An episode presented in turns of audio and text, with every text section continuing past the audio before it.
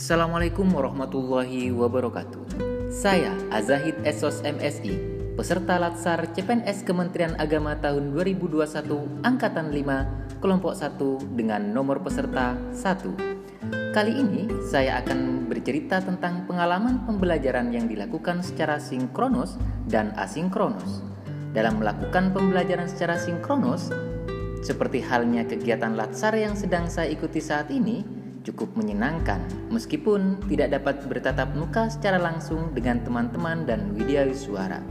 Tetapi tidak mengurangi semangat saya dalam mengikuti pembelajaran serta tidak juga mengurangi substansi dari apa yang disampaikan oleh widya suara. Sehingga saya dapat ilmu pengetahuan dan pengalaman baru. Di sinilah kita melakukan pembelajaran jarak jauh dengan waktu yang sudah terjadwal Pembelajaran sinkronus yang saya lakukan di agenda 1 cukup menarik dengan menggunakan aplikasi Zoom.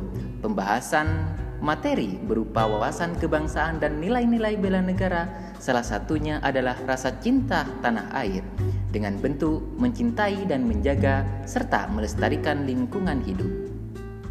Pengalaman saya dalam pembelajaran asinkronus saat pelaksanaan latsar adalah saya dapat dengan mudah mengakses materi di website Kolabjar ASN pintar secara fleksibel dan di mana pun berada.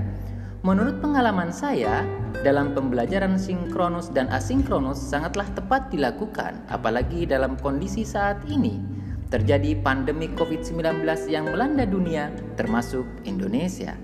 Semoga pandemik segera berakhir dan dapat bertatap muka dengan teman-teman dan Widya Iswara.